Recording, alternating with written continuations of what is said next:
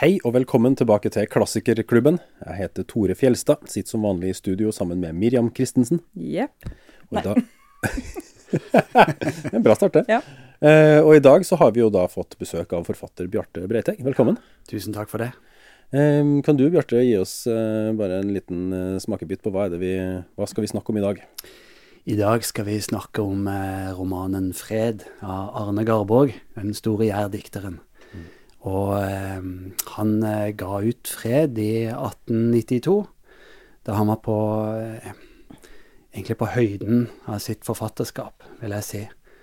Han eh, er jo født på Jæren i 1851. Vokste opp med en veldig streng eh, far som eh, ble psykisk syk da Arne var seks år, og tok det ut som en sånn religiøst, ble veldig strengt religiøs. Arne, som hadde lært å lese som liten gutt og gleda seg veldig over bøkene, han fikk plutselig ikke lov til å lese noe annet enn religiøse skrifter, så han eh, måtte gjemme lesinga si unna. Han eh, hadde bøker i ei kiste som sto på ganga, og der lå han på kne og leste når ikke faren visste om det. Og eh, så vidt jeg har hørt, så visste mora om dette her, og hun hjalp han litt med det, ikke sant. Men han lå der i kaldtrekken på gulvet og, og leste og strevde. Så han lengta etter hvert bort fra hjemgården sin, da, eh, og em, dro hjemmefra så snart han var 16, og fikk en eh, lærepost og, og, og skifta navnet sitt. Han het opprinnelig Ådne. Eh, lyden RN fins ikke på jærmålet. Der blir alt ødn. Så Ådne. Men han skifta da etter hvert navnet sitt til Arne Garborg for da å distansere seg litt fra det hjemlige, og ville bare bort og ut i verden. Han kom seg etter hvert til Kristiania og skrev eh, romanen eh, 'Bondestudenter' og 'Mannfolk', som Kristiania-livet, ikke sant, og samtidig med Kristiania-bohemen.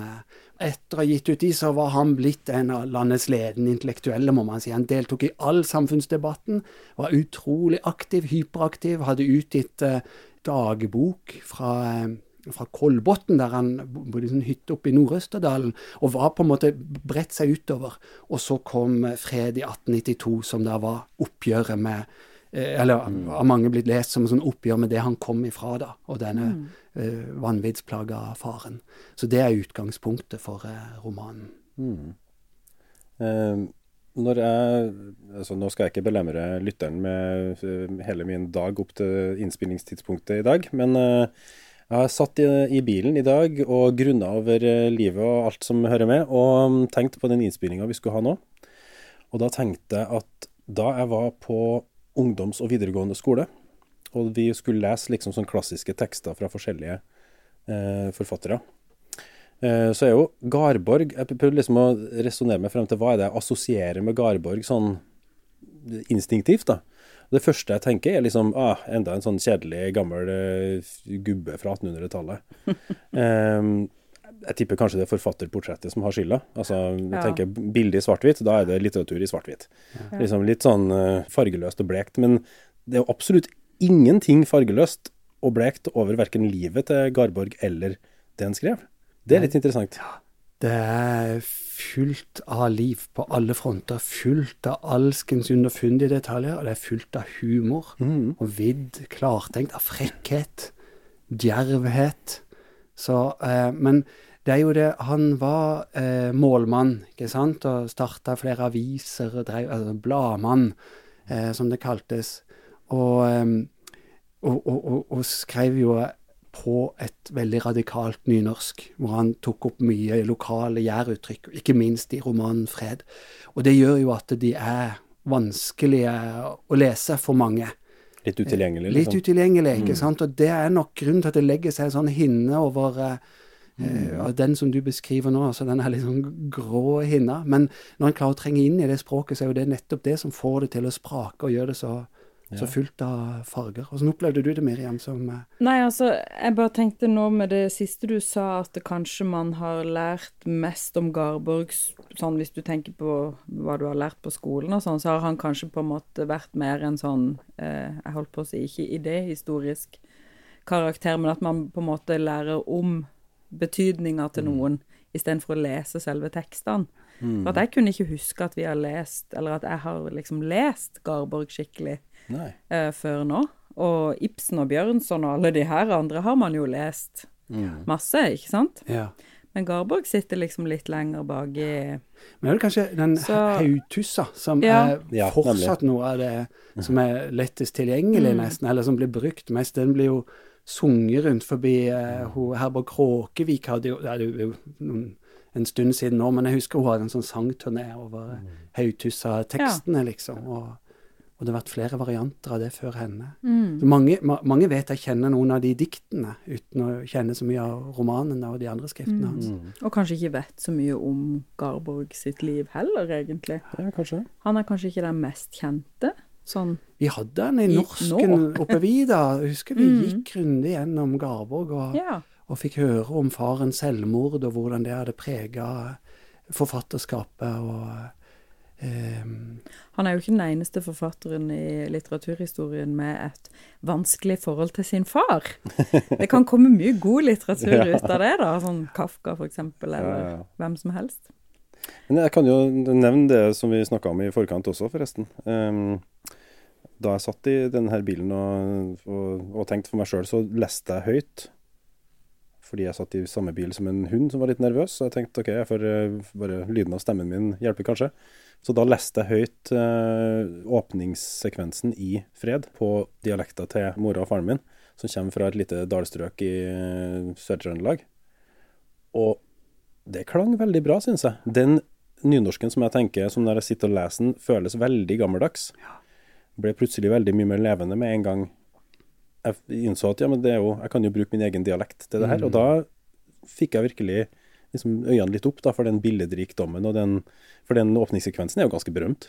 Jeg føler det hadde vært passende å kanskje bare lese litt fra, Ja, det synes jeg du skal. åpningen av boka. Jeg syns du skal få lov til å gjøre det, så slipper jeg. Du leste sikkert det aller første kapitlet der havet ble beskrevet, som Ja. en berømt beskrivelse av havet som slår inn mot jærstrendene. Mm. Eh, jeg har jo, eh, bare apropos det med å kjenne igjen dialekten, jeg har røtter på Jæren, så det å få det der jærske nynorske hos meg også får fram noe sånn litt sånn hjemlig, da, eller sånn generasjonen før hjemlig, eh, der jeg har mine røtter, kan du si. Men jeg har lyst til å lese fra et parti der, der hovedpersonen Enok Hove blir eh, presentert for leseren for første gang. Det er andre kapittel, da. Og hvordan han plasseres i det jærske landskapet. Kald og rolig lå høstdagen over hav og land. Det leide imot kvelden. Himmelen var gråslørd, sola bortatt om tåkebakken i vest. Her og der lå lange blå strimeskyer og kvilde. Det hadde blåse i dag, men var avstillende att, som ofte mot kvelden. Det var så stilt at en kunne høre sitt eget andedrag. Myrkninga kom sigende, blå og kald. Sus av eer og bekker skar kvast gjennom lufta.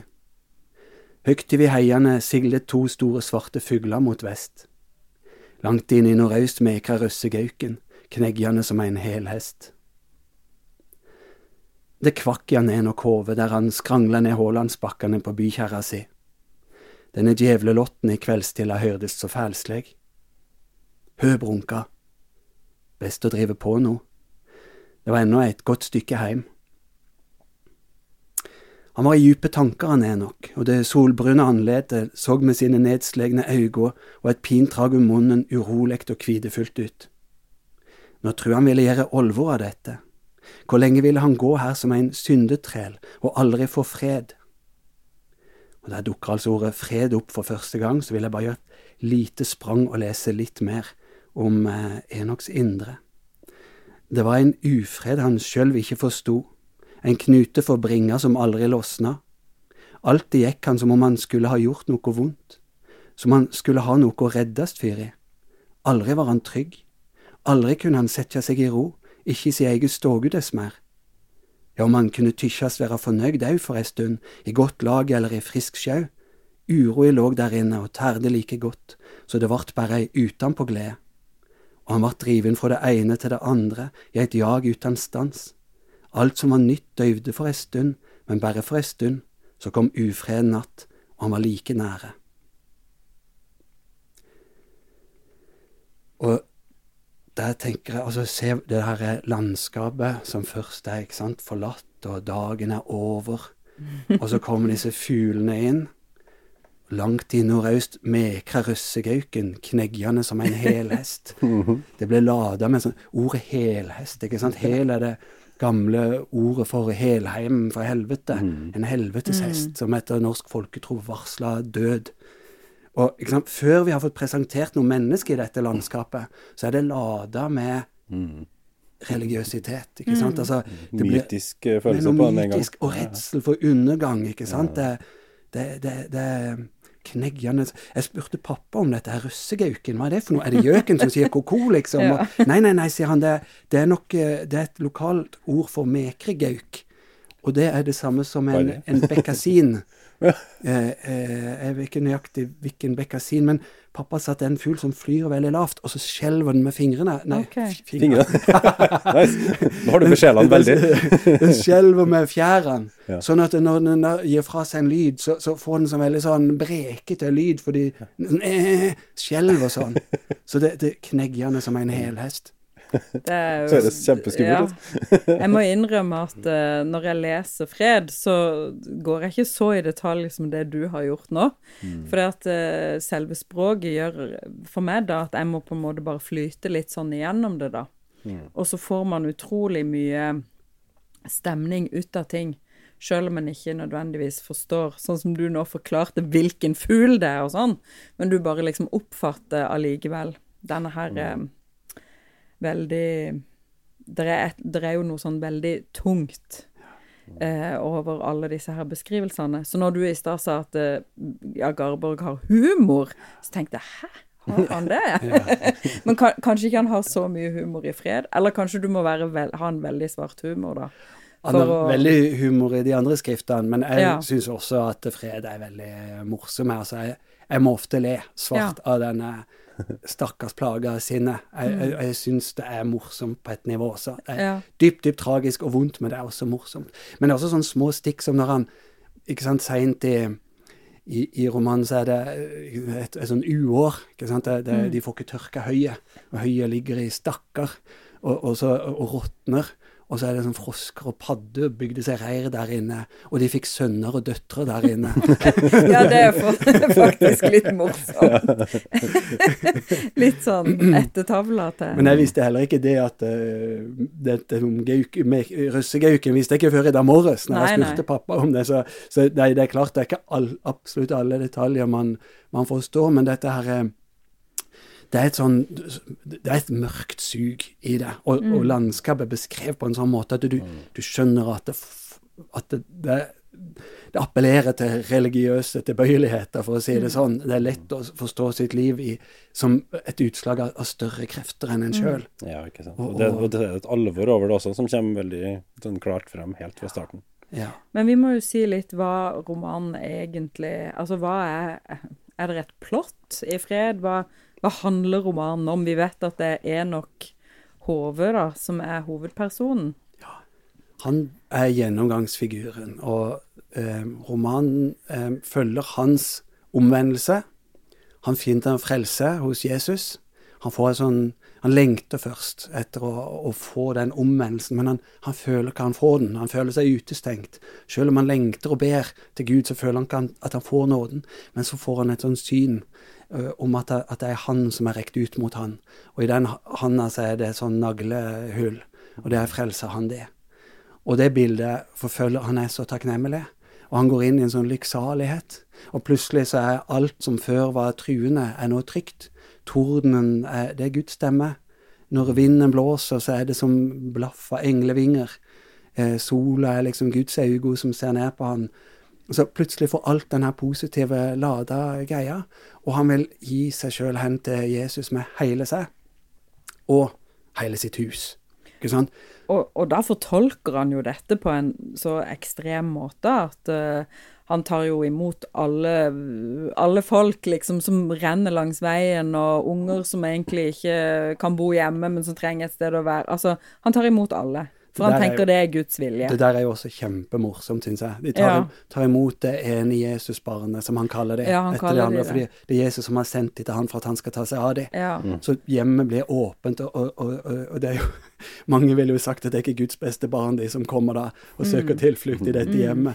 Og hun stakkars kone hans, Anna, som, som jo må lide under hans religiøsitet, for hun er jo fullstendig underordna han, Mm. og må bare følge hans påfunn. For han blir jo ekstrem. Han tvinger de til å gå med sånne skinnkleder, for, for det er liksom reinere, og skal ikke ha noe sånn farga garn, og, og denne kaffedrikkinga som folk har tatt Ja, de til må med. slutte å drikke de må kaffe. Slutte å drikke kaffe. Det gjorde litt inntrykk på meg, kjente jeg. ja, ikke sant? Det er veldig Og la oss trøstes med en slurk kaffe her. Vi, Mm. Ja. vi sitter her. Men det er en scene der, ikke sant, hvor hun, Anna, når, når han har dratt til byen, så sniker hun seg til å, å koke opp litt kaffe, som hun har lengta seg Ja. etter, og som også tjenestejenta har lengta seg etter. Og så bare liksom stivner hun helt for å se han komme tilbake før hun hadde trodd. Mm. Og der står kaffekjelen på, og hun bare er til å gjemme den inn i et skap. Og han kommer bare inn og kjenner kaffelukta. Og da er han rasende, ikke sant. For det, er- det er brutt eh, Guds bud. Og, så det er veldig strengt fortolka. Det går utover Anna, og det går også utover barna og, og, og eldste sønn Gunnar, som, vi, som, som vi følger da. Og ikke minst utover han sjøl. og ikke minst utover han sjøl, ja. Så det store spørsmålet som eh, Garborg på en måte stiller da i fred, kanskje, er jo hva gjør egentlig denne troa for godt i en og KVs liv, da? Men, men kanskje er det ikke egentlig nesten en, tro det handler om en gang, men et, uh, kanskje et sykt sinn. Det er sikkert noen som har lest fred ut ifra et uh, sånn psykisk uh, sammenbruddsperspektiv, kan jeg tenke meg. Helt klart. Ja. Den følger jo veldig sånn utviklingen der, ikke sant. For, for sant? Han, han lengter etter Han skal finne fred i Gud. Denne ufreden som jeg leste om nå, han skal finne fred i Gud. Men han, han, det, det er ikke noe fred i Gud for han. Han blir, eh, han blir bare mer og mer plaga, og hans religiøsitet den går ikke i hop med samtida. Den, den går ikke an å omsette i praksis, egentlig. Og etter hvert så, og, og så er det jo det at alle innenfor dette, alle har sin egen variant av det. Så han, han, han kommer jo, legger seg ut med presten, legger seg med ut med de lo, andre lokale predikantene som reiser rundt, haugianerne innom der. Altså det er et sånt samfunn med all slags forskjellige fortolkninger av kristendommen. Så det blir et sånn kaos der inne, og det blir aldri helt riktig. Og, så, og så følger du hans st stadiene i utviklingen hans fra å være religiøs ekstremist til å bli litt sånn angrende og innse oi, men jeg har vært for hard og, og for streng. Men da har han allerede, da er jo familien tapt for han, fordi han har plaga de i flere år med religionen sin. Og, og når han da vil bli den snille, gode faren, så syns jo det, det er det verste. Ja, da blir det jo helt sånn Og så føler han at Gud har snudd seg mot han, Ja. At det, Gud ønsker ikke meg, og alt jeg gjør er feil.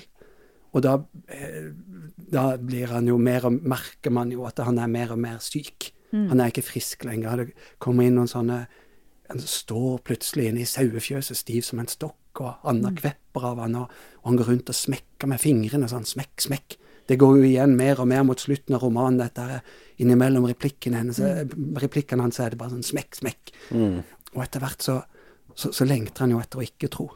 Helt på slutten, så den som kunne ta den der gudstroa fra meg, og, og, og, og, og nesten speke seg i sånne helvetes tanker, og nesten lengter etter å brenne i helvete, og nesten som han gjemmer seg inn i djevelens gap fordi han holder ikke ut dette her lenger. Og så ender det jo med at han tar livet av seg, da. Og eh, det ligger jo lenge også en enda mørkere tragedie og lurer, fordi han har en drøm om natta. Den gjorde så inntrykk på meg. når han han har jo mange vonde drømmer, men den ene drømmen er at han slakter sauer, sånn som han er vant til å gjøre.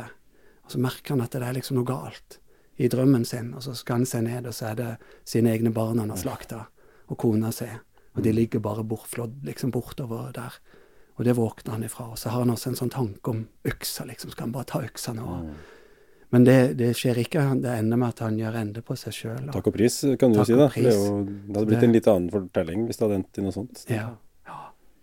Men det du spør om, er, er om det er en kritikk av religion, om, om det er eh, ja, om, om det er kristendom, eller om det er sykdom. Og det er jo begge deler. Og jeg tenker at det, det handler i alle fall veldig mye om de avstandene som religion kan skape mellom mennesker som egentlig burde stå hverandre veldig nær. og, og, og den trollsplinten det kan være å, Mm. å, å få et religiøst syn. For plutselig så ser du verden på en annen måte enn de som ser den uten de religiøse brillene. Og du ser noe annet i virkeligheten enn det de gjør. Og da blir det avstander mellom mennesker. Og det ser vi også på verdensnivå. ikke sant? At religionene skaper jo veldig mye komplikasjoner. Altså, han, han lengter jo hele tida etter en indre fred, er nok. Eh, og, og det er på en måte det eneste han har i sin verden på dette tidspunktet i historien som kan gi fred, er jo Det er ikke antidepressiva eller, eller en tur på, til psykiateren, liksom. Det er Gud. Og, men- det er jo så veldig opp til han sjøl, da. Altså, han blir jo så veldig aleine med dette. Um, så, og det å skulle liksom få, få til den freden inni seg sjøl, det er jo umulig for en som han. For at han har et urolig sinn. Og så klarer han ikke å Han klarer ikke på en måte å slappe av med det. Han klarer ikke å, å tenke at ja, men sånn er jeg. Jeg har et urolig sinn. Og det, er- det, er, fi, det er fint. Det er greit. Jeg kan gå rundt her med mitt urolige sinn, men jeg har jo, jeg har jo disse flotte barna og denne flotte kona og dette flotte stedet, liksom. Det klarer han ikke. Han må liksom kave desperat etter den freden.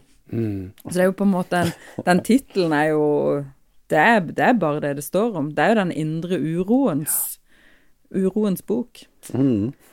Og så, så er det interessant også å trekke inn bakgrunnen her, hva som skjer med samfunnet Ja. mens dette pågår. Fordi det er jo en tid Altså, tida i romanen må jo da eh, være sånn 1860-tallet. Og det er en tid hvor Norge beveger seg fra ikke sant, denne naturalhusholdningen, hvor hver gård langt på vei var selvberga.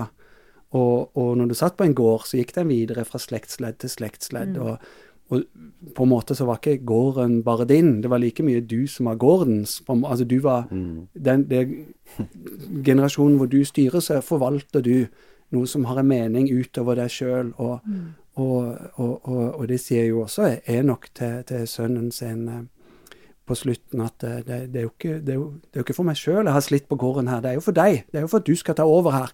Sant? Men det synet der er litt på vei ut, fordi eh, kapitalisme kommer. Det går mer over til sånn penge, pengesamfunn, som fører til spesialisering. Eh, det fører til at eh, eh, til fri konkurranse. Det fører til eh, urbanisering. Eh, og, og, og at pengene styrer mer. Du, mekanisering av jordbruket. Det merker vi i bakgrunnen. ikke sant? At det er på en sånn tvangsauksjon og, og kommer hjem med noen sånne disse her mekaniseringsgreiene, noen nye ploger og noe sånt som, som han har vært veldig imot før. Det kommer han hjem med nå og skal liksom Han har trodd at det var djevelens verk før, men nå ser han at ja, men Gud vil jo at vi skal framover. Han endrer jo sitt syn etter hvert. da. Men det er jo også at samfunnet som, som endrer seg, og at det blir på en måte vanskeligere å finne ro i, i dette her. Sønnen hans Gunnar søker jo inn mot storbyen og det nye, og, og, faren har jo ikke noe sans for det som skjer inne i Stavanger. og og når Gunnar kommer tilbake med dun på overleppa, så er det jo dje- djevelens, ikke sant? Du må ikke ha bart. Nei, Nei, ikke nei, sant. nei, da har det gått gærent, altså. Da har det gått gærent i livet. Ja. Men Det er litt sånn, eh, Jeg kjenner jo igjen noe av de, de tingene som eh, Hamsun skriver om i 'Markens grøde'. ikke sant? Med den der udugelige sønnen som stikker til byen og blir en laps. På en måte sånn Drive og utdanne seg på et eller annet, noe greier, men ikke jobbe med kroppen og ikke holde på med sånn som man skal gjøre. ikke sant? Det er, et eller annet, eh, det er kanskje et tema som går igjen ganske ofte, men, eh, men det ligger veldig i den tida. Store endringer på 1800-tallet. Mm. Både i jordbruket, som du sier, og også religiøst, som du har vært inne på. Veldig det var mange nye strømninger. Som på en måte begynte, og de pågår jo egentlig fremdeles, dette her med at eh, de smågårdene må Altså jærbøndene er jo blitt dramatisk færre også de siste 20 årene. Og gårdene er mye større. Og, man blir drevet med mye innleid arbeidskraft. da.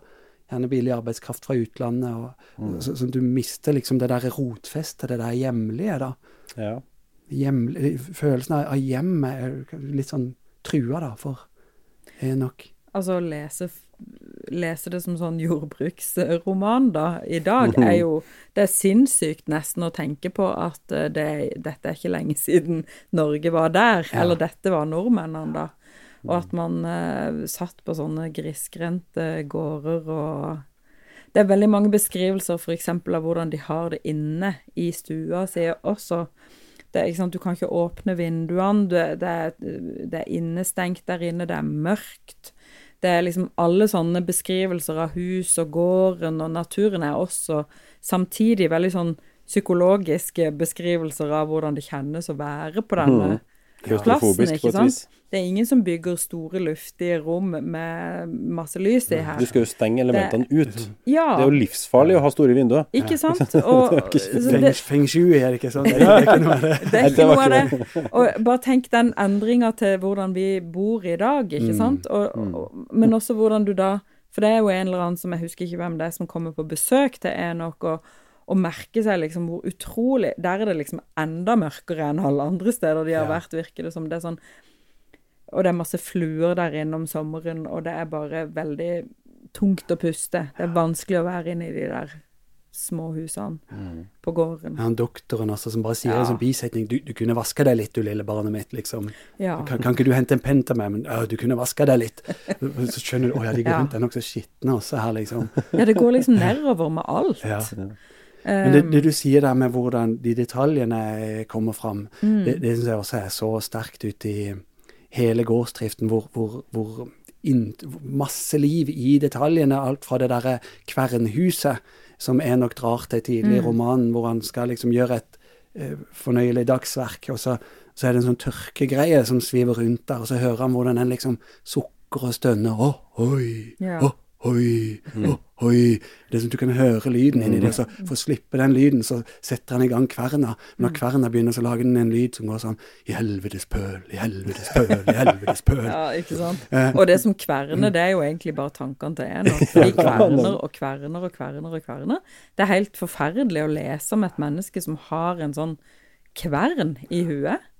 Og uansett hvor han er og hva han omgir seg med, så blir alt fortolka inn i dette i denne sånn depresjonens eller angstens uh... Ikke minst den herre selja som de har stående utafor huset, som tar av mot den evinnelige nordvestvinden, som måtte gi, gi litt ly for denne og, og, så må de, når det er et dårlig år, så må de jo hogge ned alle rognetrærne som vokser der, men de sparer i alle fall en selja. Fordi rognetrærne de, de, bruker barken til å gi til husdyrene når ikke de mm. har nok høy. Men de lar den selja stå, for den har stått der siden foreldrene hans har alltid tatt av mot den evinnelige vinden. Og så på slutten, når han er på det mest angstridde, ikke sant, og det kommer et sånn dramatisk uvær, og han er sikker på at han er fordømt av Gud, og så slår lynet ned i den selja, mm. og den står bare der sånn utbrent. Skjebnetungt, altså. Trøstesløst. ja. Så hvor, hvor, går man etter denne, liksom? Hva, hva, hva skjer etter Enok har uh, gått i vannet. Det kan man jo lure på.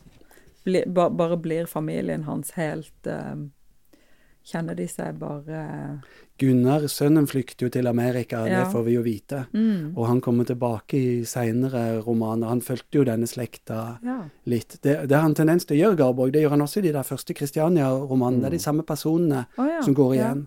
Gabriel Gram fra Trette menn, som også har en plass i Mannfolk. og og, og Daniel Braut fra, fra, de to første. Men, men eh, disse sønnene Gunnar og den bitte lille som er bare en sånn nyfødt unge mot slutten av Fred, eh, Paulus, Eh, de kommer igjen i den, den bortkomne faderen og heimkommen sønn, mm. og i skuespillet Læreren. Så han brukte liksom de samme skikkelsene mm. om igjen. Og da er de blitt voksne, da. Og de ja. også plages jo med religiøse Bra navn, da. Paulus. Ja, det er ingen som kaller ungene sine for det lenger. Nei. Altså e- Enok, for den saks skyld. ja. Men vi må også snakke om noen andre elementer som er i denne romanen. For én ting er jo at eh, det er Enok Hove og hans utrolig angstridd liv. Det er egentlig det som bare gjennomsyrer hele romanen. Men det er mange andre fortellinger også i Fred.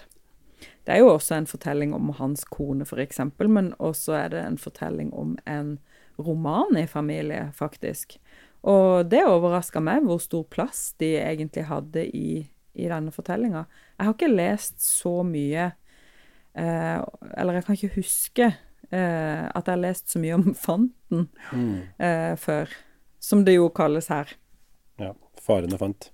Farene fant. Eh, mm. det var jo det man kalte romanifolk, i folk. Sikkert helt fram til 50-tallet. Mm. Faktisk kanskje våre foreldre til og med har Ja, min far husker fantene. Sier fan- Som kom, og det var alltid de samme som kom igjen. Og, Ja. Ja. Mm. Noen var født inn i det, mener han, men noen falt også inn i det. Du falt Falt inn i det, ja. Ja, han Mm. husker, pappa husker ei som var uten nese, da, som han kanskje mistenker at hun ble etter hvert fant fordi det fantes ikke noen plass til henne i, i samfunnet på grunn av det lytet. Han ble liksom utstøtt litt på det lytet, og så endte han med å, måtte å henge rundt med, med de som vandra fra gård til gård. En ekte pariakaster, rett og slett. Ja, Ja. ja. Det er plass til alle som ikke passer inn noe sted. Ja. Men de får jo egentlig en, en veldig sentral uh, plass, vil jeg si, i, um, i denne romanen. Og jeg holdt på å si grunnen til at de får lov til å få den plassen, er jo fordi at det er nok han, han føler seg jo forplikta av Gud til å ta imot alle som kommer hans vei. Og dermed må han også ta imot sønnen til eh, Thomas Fante-Thomas kalles han vel bare. Fante-Thomas, men Ja. han har jo et Han heter noe sånn Thomas Eriksen, eller har et veldig sånn vanlig navn, da. Men, men hans sønn heter Carolus Magnus. Mm. Og Carolus er jo et veldig kjent roman i navn, da. Eh, han må Magnus, Karl den store. Ja. Det er Ha, han, ha- nei, det er ikke småtteri. Og, og han må, han må Enok eh, sin familie på en måte ha boende hos seg, og han blir jo en veldig eh, viktig karakter, egentlig. I, eh, både i familien, men også i, for romanens utvikling. Og de er jo fantastisk skildra, syns jeg, de eh, skikkelsene som kommer inn der, litt sånn fra, fra det uventa, og beriker dette samfunnet. Og, og de kommer inn med en helt annen holdning til livet enn disse her som sliter med jorda og skal berge seg sjøl og søker sin lit til Gud. De, de har den her lekne innstillingen, ikke sant, og, og måten han fant Thomas, som, som jo har lest det ene og det andre, og, og kan liksom, Han er jo en veldig oppegående fyr. Og masse Ja. sånn som han skryter av sitt eh, alt han vet, og han har sine teorier om Gud og, og, og verden. Han, den scene der han tegner det på, på en stol, han har med sånn rødt kritt i lomma som han drar opp, og så tegner han Sånn her er verden, ikke sant? Det, det er som en brønn. Og så ligger det en planke over den brønnen. Og på den planken, der er kongen øverst. Og så er det embetsmennene, og så er det presten, og så er det læreren og lensmannen, og så er det arbeideren. Og så er det fanten, liksom helt nederst. Og når den får så mye penger, og den får så mye penger, så har han et sånn litt sånn revolusjonært eh, syn, da, som etter hvert blir til det at eh, når vi ikke kan leve på det vi får, så må vi ta. Vi er nødt til å ta. Det er litt sånn, Men det at det er en sånn planke over en brønn, Ja, ja, ja. det er sånne innfall Jeg syns det er så eh, eh, Det er veldig idérikt, ikke sant? idérikt, ja. Han, de, de kommer jo også, disse fantene, til For de, de går rykte om at det er på hodet der får alle slippe til og, og sånn. Men etter hvert så skjønner de jo at ja, men der må vi være med og lese i bønene hele tida. Vi, vi må be og be og følge med på bibellesing. Altså. Og det liker ikke fanten, står det så. Så slutter de etter hvert å komme dit. Det er bare han fante Thomas som kommer, og etter hvert får plassert sønnen sin der, ja. Og han blir jo også en sånn eh, Han er jo en lurendreier, han Ja. Carolus Magnus også. Og, og veldig sånn psykologisk smart, for at han skjønner akkurat hvordan han skal få Enok til å tro at han følger med på eh, opplesning av en evinnelig opplesning av en andakt, ikke sant? Mens i virkeligheten så sitter han bare og, og ser ut som han følger helt med, men inni der så, så går tankestrømmen til Arabiens land og uh, sånne type ting. Og det lærer han jo også opp Enoks sønn i dag, Gunnar. Han får jo også dette um, veldig sånn drømmeriske og drømme om det store livet der ute. De vil reise til Amerika, de vil være sjømenn, de vil komme til Arabia, de skal ha sånne flotte slott og harem og jeg vet ikke hva.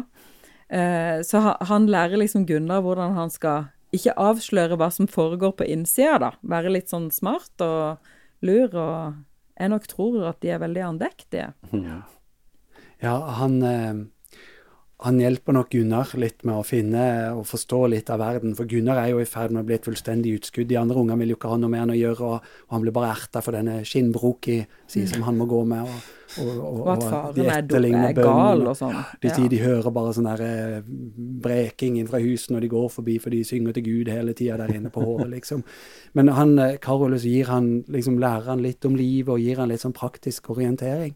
Men eh, Carolus forsvinner, han rømmer jo derfra etter hvert.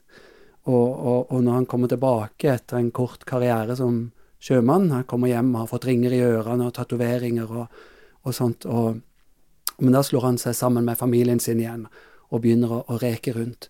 Og, familien har jo i mellomtida Enok vært med på å gi de et hus, da, for han har jo tro på at uh, Og det er en periode hvor Enok blir liksom delaktig i samfunns, lokalsamfunnslivet, og, og der han ikke er i opposisjon til alt, men han samarbeider med de andre. Uh, og, og, gir da Fante Thomas et sted å bo. Men, men de ble jo skuffa, fordi fantene klarer ikke å drive jorda sånn som var forventa. De, de, tar imot alle slektningene sine, og så blir det drikking og kortspill og, og slåssing, og så reker de ut på fantestien igjen, liksom. Så det, de blir jo til skuffelse, på en måte, for, for de som har prøvd å hjelpe de opp. Mm. Og, og Karolus da kommer hjem og slår seg sammen med sine egne igjen, og, og, så går det veldig dårlig med de, og de er fattige, og så finner de ut at vi må ta den her krona som ikke vi kan tjene, som, som alle de over oss på rangstigen tjener. Vi, vi, vi må gjøre innbrudd, da. Så er det far og sønn som drar til Hove for å stjele, for der vet Karolus nøyaktig hvor sølvtøyet ligger, og mm. han vet hvordan han skal åpne låsen der. Og, så de bryter seg inn og stjeler. og det, Jeg syns det er en helt fantastisk skildring, fordi han Karolus etter det innbruddet så han, han er jo så høy på seg sjøl. Han er jo helt sånn i, mm. i en lykke drikkerus og, og, og, blir helt sånn tullete. De, de, gjør et nytt innbrudd for å stjele noe tøystoffer som de bare hiver i elva. Og så han, Karol sier så, så han bare dytter faren sin ut i elva også, selv om dette er midt på vinteren. Så han går jo sånn halv fra seg, men han må liksom le litt av sønnen sin. De har den lekne innstillingen til livet, det er liksom ikke så nøye. De har det gøy, og nå kan vi dø, men hallo, vi har det. Nå har vi stjålet, og nå skal vi leve godt, liksom. Og så altså, De blir jo tatt nesten med en gang, for de, de, de, og da går de jo liksom rundt med de stjålne klærne. Og, mm. Så, så det, det, det, kunne ikke kommet noe ut av det. Og da blir jo eh, Da, da, da prøver først Carolus å stikke fra eh, lensmannen, men så ser han at kona med Katrine, som han er så glad i, hun er blitt arrestert. Og han vil jo ikke være uten henne. Så da bare drar han ned og overgir seg. Mm. Og så sitter de da på i, i arresten og, og han er i, sånn eh, spjell rett ved siden av kona si, men han får ikke lov å kommunisere med henne. Han får ikke lov til å banke i veggen engang. Og han har så trang til å, å si henne at, at, hun må vente på han, for han skjønner at nå vil jeg få mye strengere straff enn henne. Og da finner vel du deg en ny mann, liksom, mens jeg sitter inne mye lenger enn deg. Og han vil liksom kommunisere dette til henne. Og jeg har liksom lyst, det, det som han finner på da, det er at han kan synge på fantemål til henne, så hun hører det. Og, og um, kan, jeg, kan, jeg, lese litt fra den? Det høres ut som du må det, altså. Sangen som han da synger. For dette syns jeg også er så fantastisk, at romanen har gitt plass til å, å tatt inn mm. dette her eh, tatermålet, da, eller fantemålet, som det kalles her. Da, da, da synger han da um, til henne. Og heia meg, du kjeia mi, Homiro sangra deg. Og heia meg, du kjeia mi, Homiro sangra deg. Du ler deg vel ein mors igjen, mens Miro asja kei kan jeg patja? Og det han egentlig spør om der, er Det er oversatt liksom med fotnoter her nede, så man må liksom ta ord for ord. Men det, han spør om du får deg vel en ny mann mens jeg sitter her. Mm. Og da svarer Katrine, det svarer fra siderommet med mjukt mele. Og dere må ikke patja at Miro fakka så. Og dere må ikke patja at Miro fakka så. For Miro kamma lat jo heit, og heier du det, og jeg sangrar. Og det betyr at eh, du må ikke tro at jeg gjør sånn. Eh, du må ikke tro at jeg gjør sånn, for jeg har kjærlighet til deg. Hører du det, hva jeg synger? Det er så det er sånn bifortelling. Det er nesten en sånn liten miniroman i romanen om de Ja, og det tenker jeg det er jo en veldig sånn Altså, fortelleren i denne romanen, det er jo en sånn den derre før førmodernismen, sant. Den klassiske allvitende fortelleren som kan se alle mm. karakterene liksom fra oven, og egentlig bare hoppe inn hvor som helst og fortelle hvem som helst sin historie. Men her tenker jeg at Garborg får en sånn trang til For han har jo ført Carolus inn på et tidspunkt her, og må liksom følge det litt opp, da. Mm. Så han må på en måte fortelle litt om de helt mot slutten av romanen, bare så vi skal få vite hvordan det går med den gjengen òg, på en måte. Mm. For på sett og vis så kan du si at um, den romani-slekta er jo like De er på en måte like fortapt som eh, familien Hove mm. på Hove. På, på, sitt vis, da. Det er litt For det, ja, de er skikkelig fattige og sulter og, og må stjele for å overleve. Mm. Og um, Enok, han må egentlig Han må dø for å overleve, holdt jeg på å si. Altså, han, han får ikke fred. Mm. Så de, De har kniven på strupen på hvert sitt vis, da. Ja. Det er alltid litt interessant å lese uh, gjerne eldre bøker og se liksom med de moderne brillene på hvordan en del minoriteter blir framstilt. Uh, altså Jeg nevnte jo Hamsun. Uh, samene blir ikke veldig mm. godt omtalt i Markens grøde, f.eks. Ja, og, og fare med lapperi er jo et sånn skjellsord ja. å være sameaktig, liksom. Ja, ikke sant. Altså, men, men, det virker jo litt som Garbe på en måte har et mer sånn sympatisk blikk, da. Eller iallfall se litt på hvorfor er den, den her samfunnsklassen som de jo var, hvorfor har de det sånn? Hva, hva er liksom mekanismene som gjør at de havner der? Heller enn å se på liksom, resultatet og se at å, forbrytere hele gjengen, liksom. Det er jo et ganske sånn moderne For det er ofte det som gjør at en del litteratur føles veldig gammeldags. At man har et veldig sånn fordømmende syn på enkelte ting, og så sitter man som en moderne leser og tenker ah, ja, men du ser jo ikke på hele bildet, liksom. Mm. Jeg syns det er et veldig, veldig godt poeng. Mm. Og helt, det skildrer med en kjempesterk sympati. Det er umulig å ikke bli glad i disse skikkelsene. Carolus og Fante Thomas og, mm. og Katrine. Og, eh, og, og, og, til tross for alle liksom, utbruddene og sånn. Men, men, dette er jo sånn gjennomgående hos Garborg også. Han var jo veldig kjapt ute med å støtte kvinnesaken og uh, skrev en bok, uh, 'Jo mor', om ei jentes oppvekst, og, og, fikk hjelp av sin kjære Hulda Garborg til å få vite hvordan kvinnene hadde det. Også mm. i romanen 'Mannfolk' så, så har han jo voldsomt gripende kvinneportretter. Og, og, hva hadde den evnen til å se forbi samtidens kategoriseringer, mm. og se hvem som befant seg bakenfor, og, og, og som trengte å, å, hjelpes fram, da. Og se mm. hvordan ting henger sammen. Og, og selv om disse fantene på en måte svikter det huset, den muligheten de får, og selv om de stjeler fra Enok, og Enok det blir også en sånn skritt på vei mot selvmordet hans når de som han har hjulpet sånn, selv de gjør dette mot meg. ikke sant? Han føler seg også tar det som en sånn fordømmelse fra Gud. Så de får en slags del av skylden for hans selvmord. Til tross for alt det, så syns jeg de er skildra med veldig kjærlighet, altså. Og det er det der ting er ikke sånn enkelt, det er ikke svart-hvitt. Og, og, det syns jeg kanskje vi skal også si litt om, fordi eh, dette er ikke sånn at kristendommen fordømmes helt heller. For det, det er like mye som praktiseringen av kristendommen for, altså denne måten å praktisere det på, som fordømmes. Mm. Fordi det er Jeg syns det er en veldig sympati hos Enok også. Og det er veldig tydelig at Arne Garborg altså I ettertid så ble det lest veldig som en sånn oppgjør med faren. Og at dette er romanen om Eivind Garborg, skriver den store biografen Rolf Stenersen f.eks. Okay.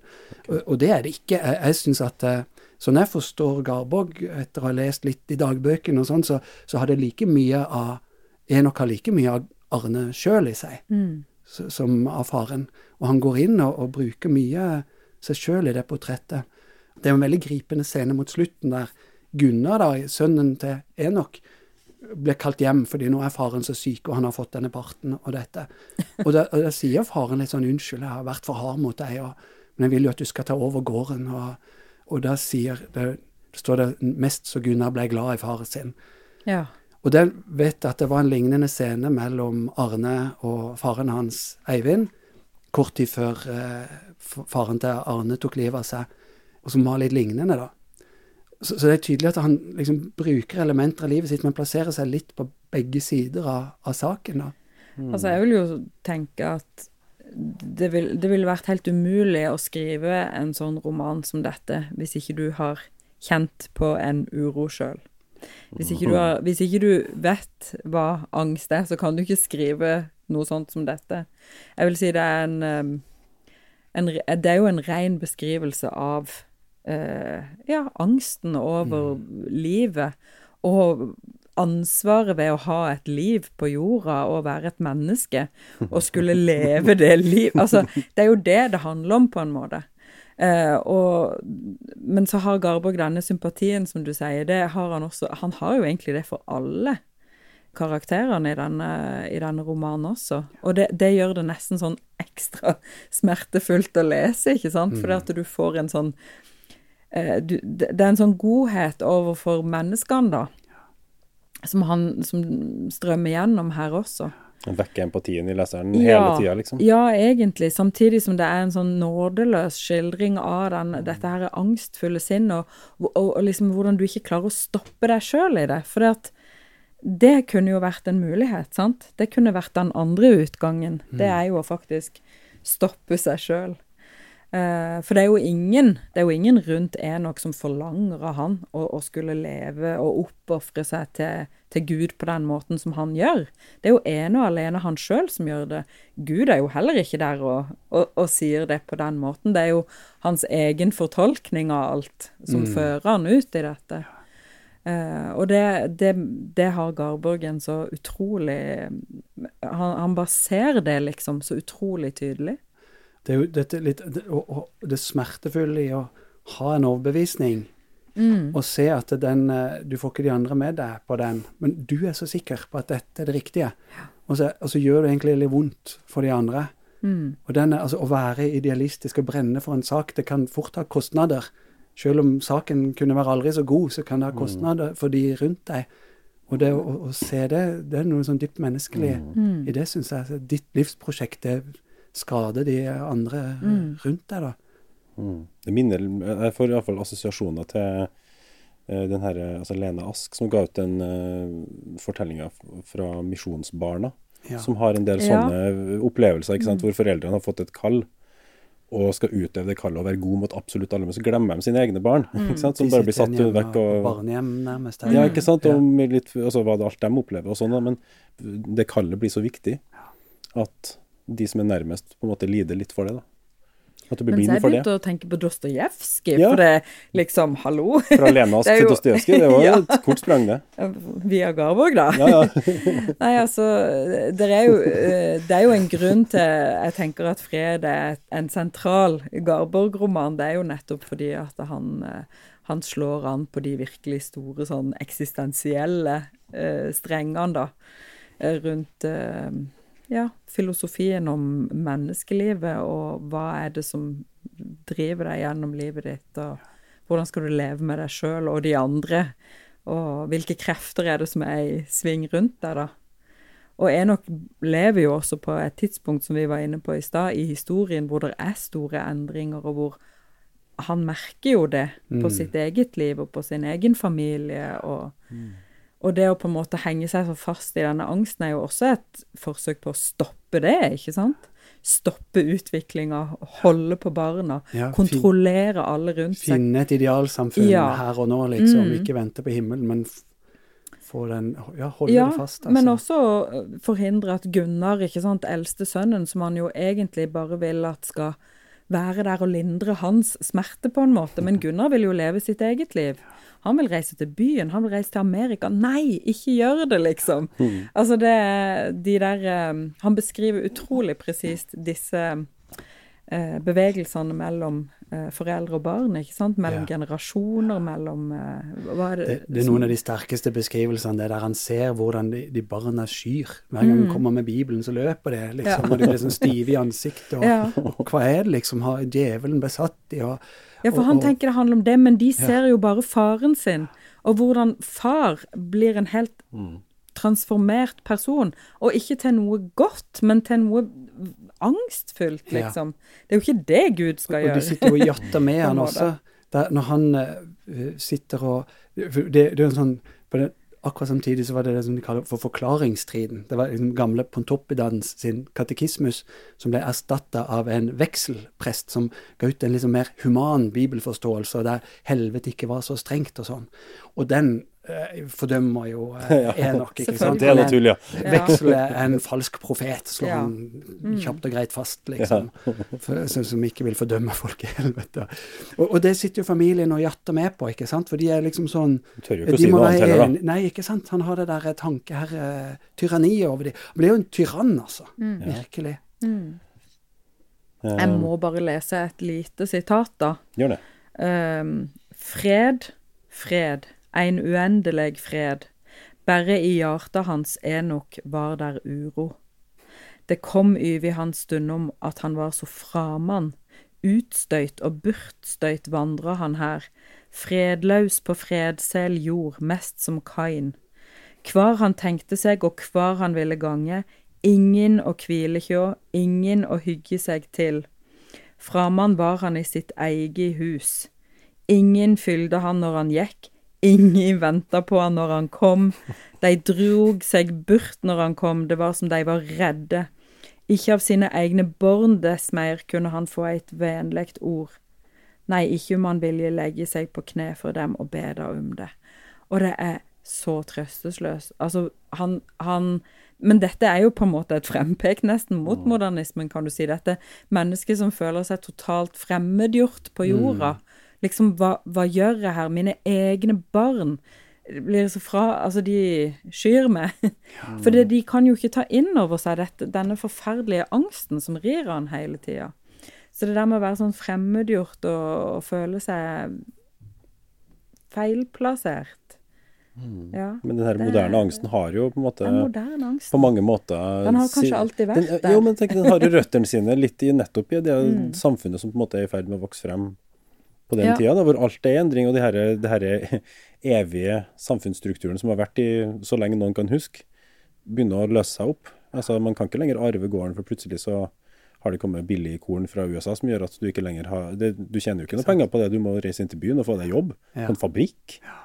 Åssen er det å bo der? Og hva, hva med barna dine, osv. Eh, så stor, mye urbanisering. Mye, Så var han jo altså, veldig- det, alt det kommer jo i den perioden, ikke sant? Ja. Garborg var også veldig sånn belest. Han dro jo til Paris og til Tyskland orienterte seg europeisk åndsliv og fikk eh, tidlig kjennskap til Nietzsche. Han hadde lest Nietzsche da han skrev 'Fred', og var også en Nietzsche-formidler i, i Norge.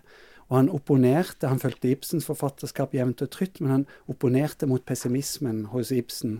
Han, var, eh, han hadde en slags forakt for eh, de som bare ga etter, og bare konstaterte at livet er meningsløst, så vi kan Ja. bare uh, hengi oss til rus og drømmerier og litt denne dekadanselitteraturen, da, som han, han mente det må være noe positivt under. Man må finne noe å stå på. Han, han nekta å gi slipp på det, at det må være noe å bygge, bygge livet på. Og eh, Fred finner jo på ingen måte en, en løsning på det. Men den, den kommer jo som litt sånn Romanen før der, 'Trette menn', kom året før.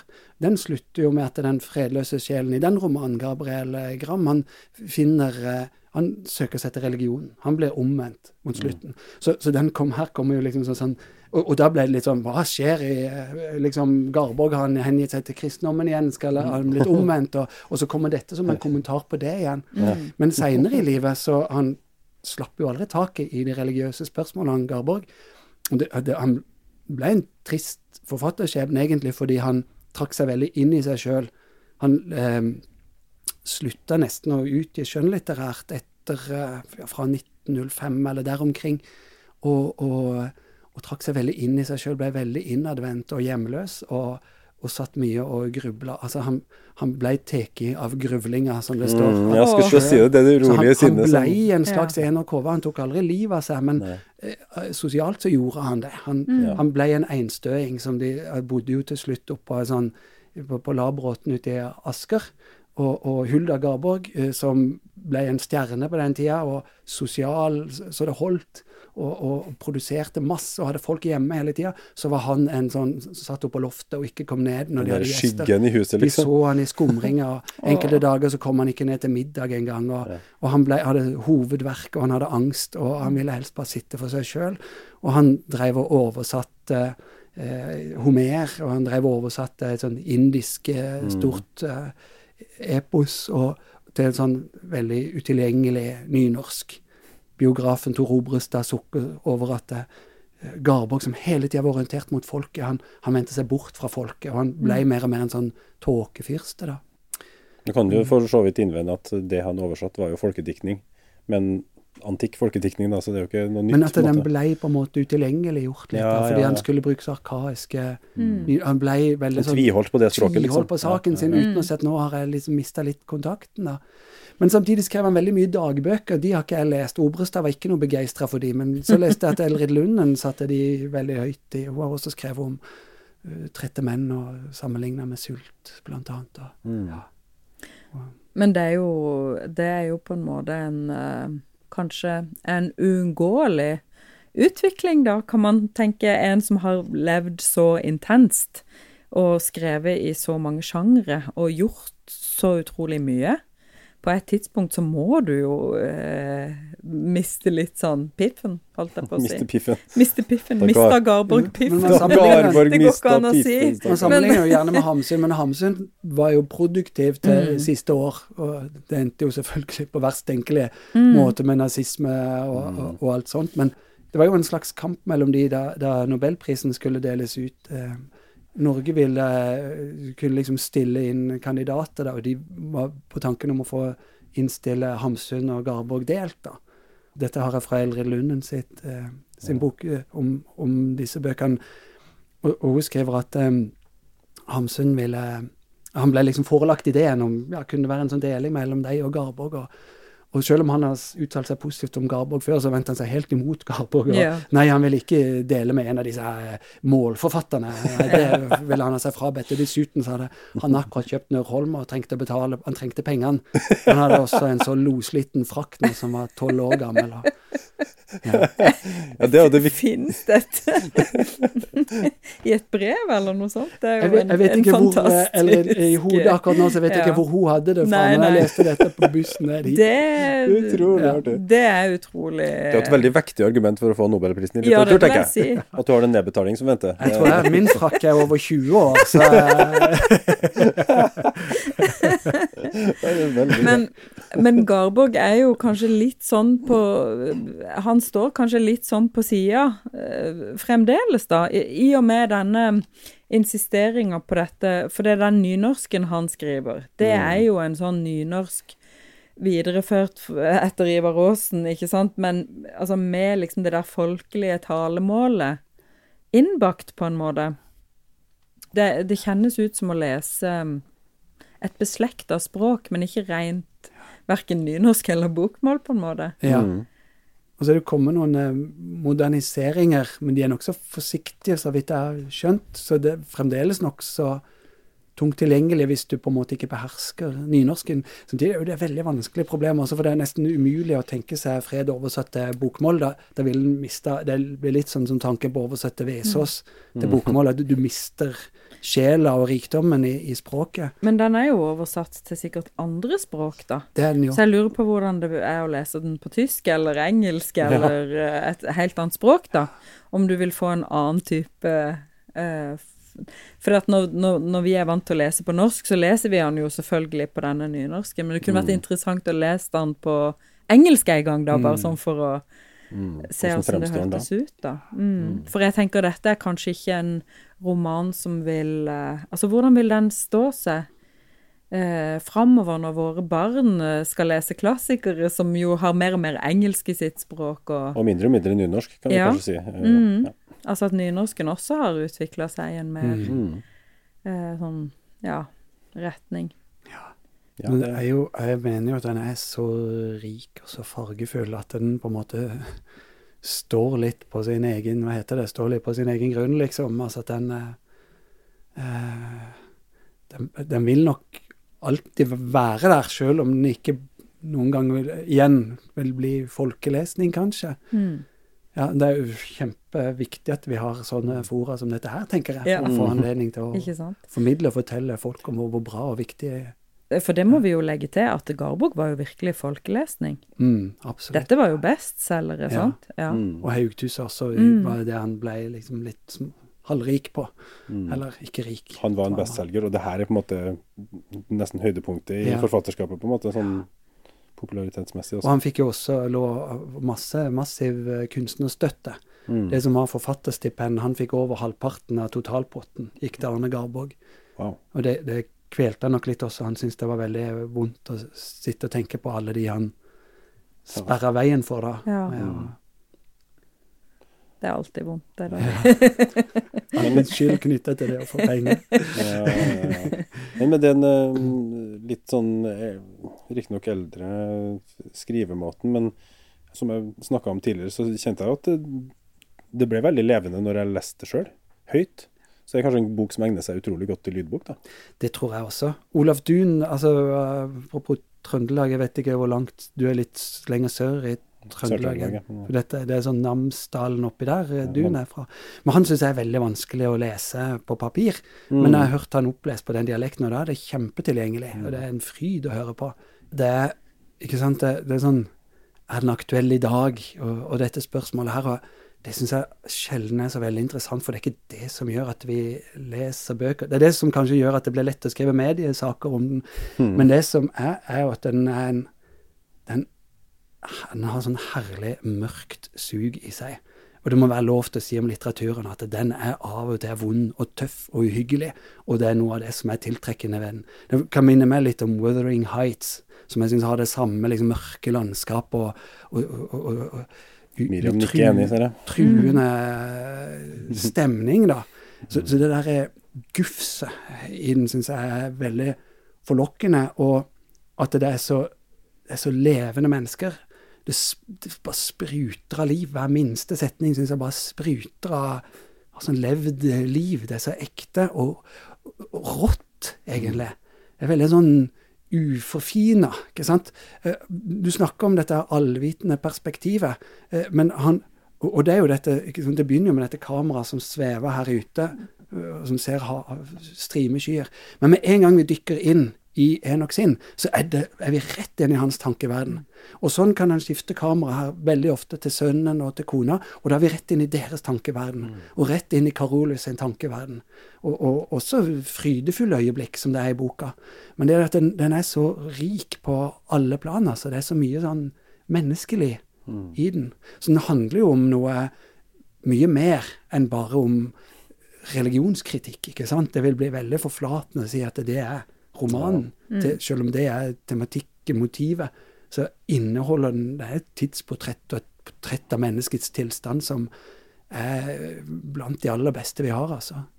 Kunne aldri blitt skrevet sør for eh, Hva skal vi si Et eller annet sted nord i Tyskland. jeg, det, jeg tenkte faktisk på Bronte-søstrene når jeg leste den, men det, det kom jeg på først nå når du sa Wuthering Heights. Det er noe med landskapet og det derre hvordan landskapet og psyken liksom til menneskene i det henger sånn sammen.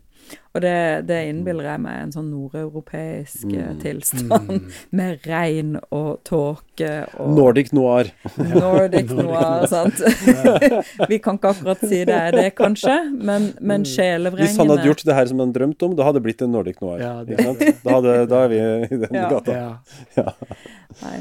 Sjelevrengende, den er eksistensiell, den er mørk, og det der suget som Bjarte snakker om, det, det er verdt å oppleve, da, i, en, i denne Jeg Synes jo det er også, sant, nesten uansett hvor du åpner den, så er du trukket rett inn i det. Bare den passasjen du leste nå, så sitter jeg også helt sånn åh, jeg vil bare være der. Ja. Ikke slutt å lese, liksom. Ja.